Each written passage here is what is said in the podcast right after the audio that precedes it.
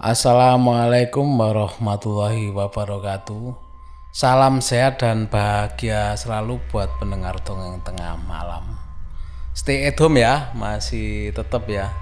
Karena dengan kita tetap di rumah, berarti kita juga membantu pemerintah mengurangi bahkan menghentikan penyebaran virus COVID-19 ini. Karena apa? Selama kita di rumah berarti kan kita tidak tersebar atau bahkan kita tidak menyebarkan virus tersebut ke orang lain. Mudah-mudahan dengan kita tetap di rumah berarti kita juga membantu pemerintah menghentikan penyebaran virus COVID-19 ini. Baiklah, untuk yang belum subscribe silahkan subscribe ya. Uh, juga komen-komennya, like-nya jangan lupa yang di Spotify jangan lupa follow juga yang masih belum follow ya untuk update cerita terbaru dari Dongeng Tengah Malam.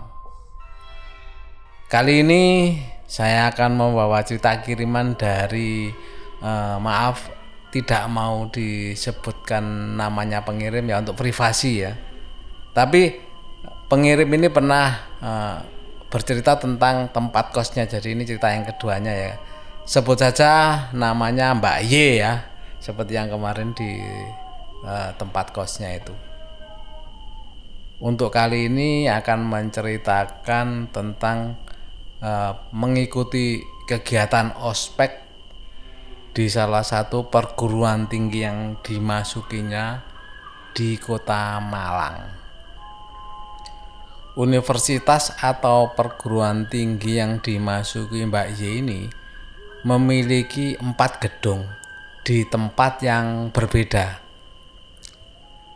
Makanya kegiatan ospek yang dilakukan di kampusnya ini dibagi menjadi beberapa kelompok di tempat atau gedung yang berbeda-beda itu jadi tidak jadi satu uh, tempat gitu ya dan dari empat gedung itu kelompok Mbak Y ini mendapatkan tempat di gedung yang keempat.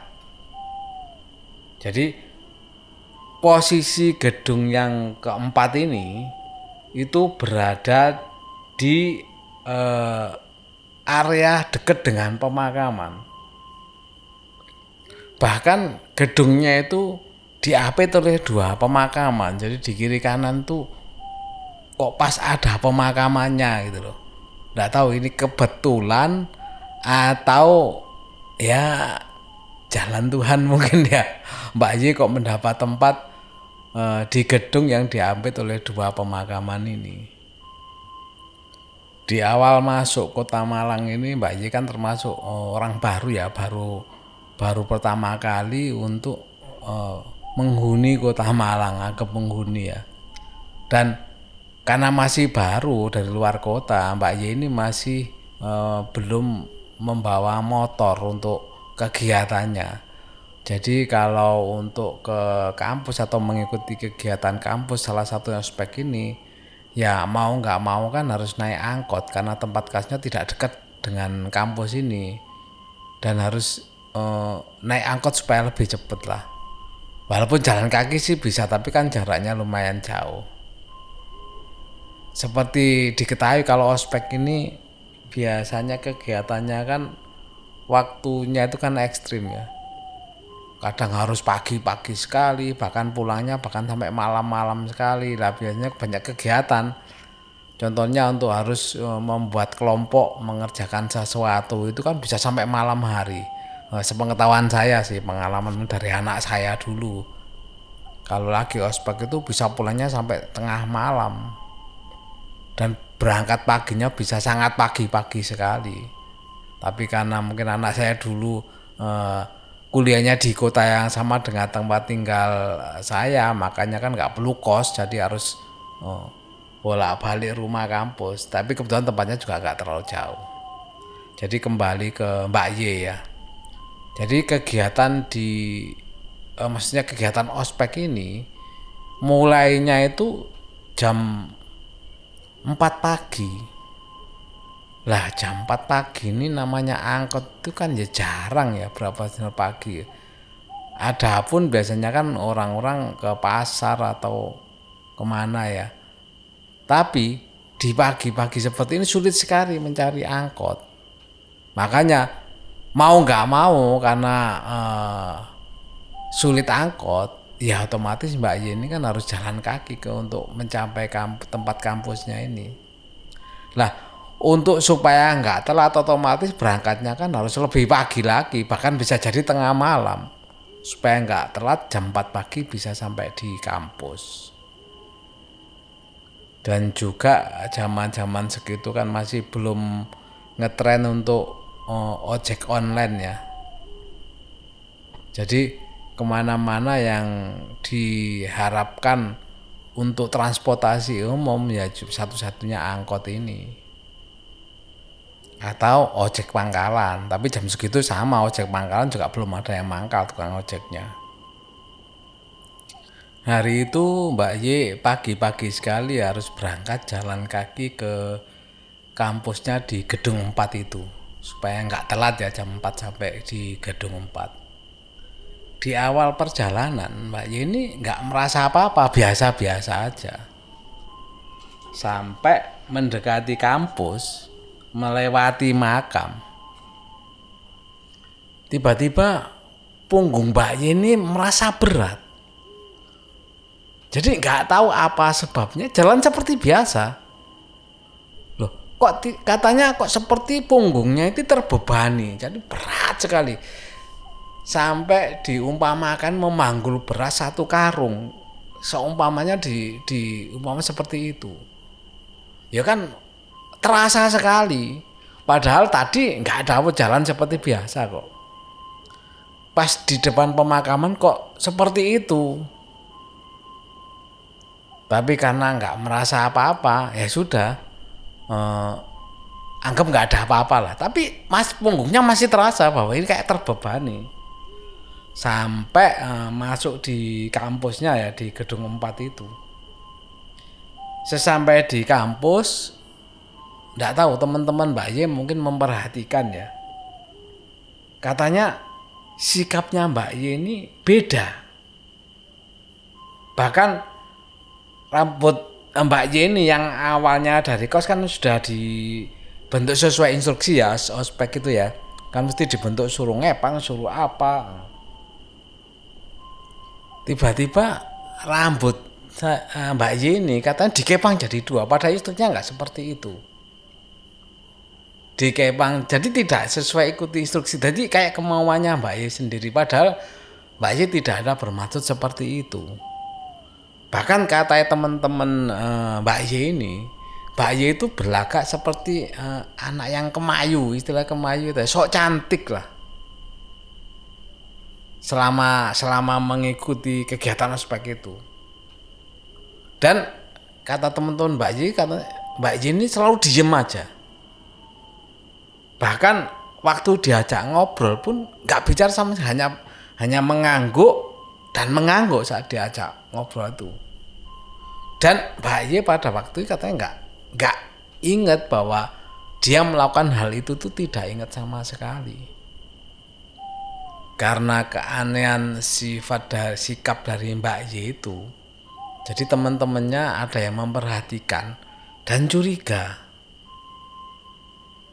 mesti ada apa-apa dengan Mbak Y. Makanya uh, salah satu temennya itu sampai uh, lapor atau bilang ke kakak pembinanya bahwa Mbak Y ini tidak seperti Mbak Y yang sebiasanya. Jadi Mbak Y ini berubah gitu loh. Bukan sikap aslinya Mbak Y seperti itu. Karena ada laporan seperti itu, akhirnya kakak-kakak pembina tadi e, memanggil Mbak Y dan disuruh istirahat saja karena khawatir nah, terjadi apa-apa dengan kondisi Mbak Y ini. Akhirnya Mbak Y disuruh istirahat di musola ya di kampus itu karena uh, dikhawatirkan mungkin gak enak badan atau apa ya dari kakak pembina ya. Makanya disuruh istirahat dulu. Pada waktu berjalan menuju musola, lah di depan musola ini tiba-tiba Mbak Yeni menangis. dan sambil menangis disuruh masuk ke dalam musola tidak mau bahkan di sela tangisnya itu kadang juga tertawa-ketawa. Makanya karena melihat kondisi seperti itu kakak-kakak pembinanya ini mulai sadar bahwa ini benar. Jadi Mbak Y ini bukan Mbak Y yang sebenarnya. Karena khawatir ada apa-apa akhirnya eh, Mbak Y ini dibacain eh, doa-doa sama sekitarnya kakak-kakaknya juga teman-temannya semua agar bisa segera sadar.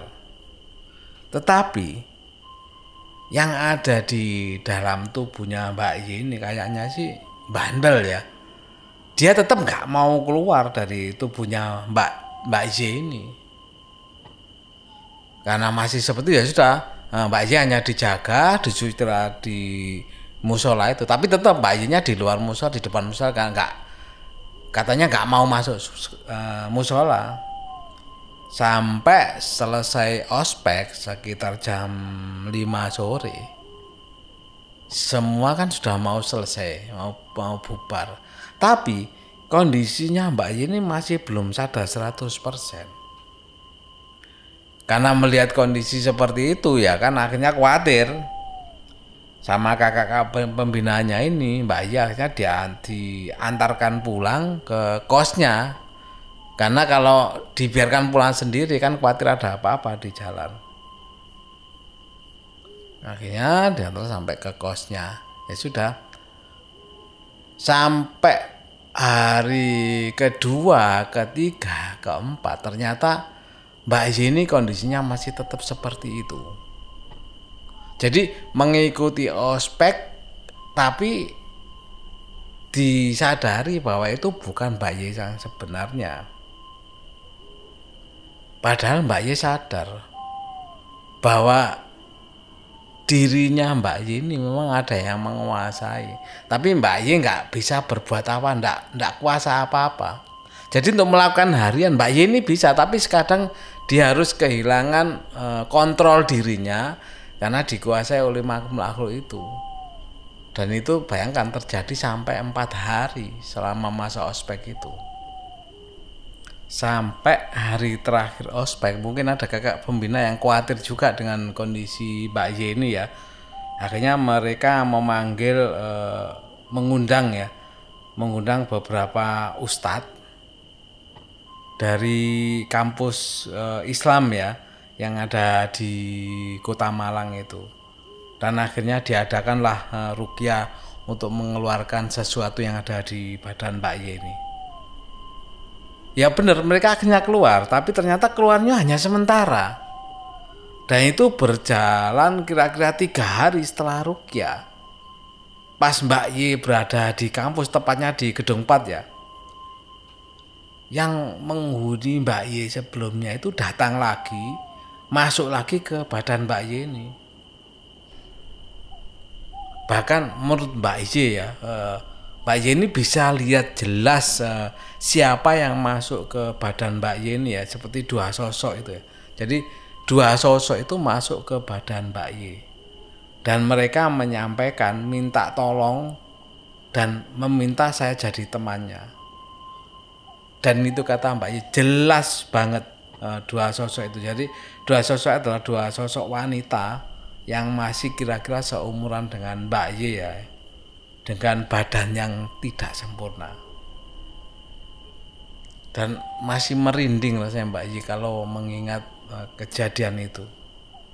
Sampai pada jam kuliah di tengah jam tiba-tiba Mbak Yi menangis histeris. Jadi di tengah perkuliahan itu menangis histeris. Dan juga tiba-tiba tertawa-tertawa sendiri.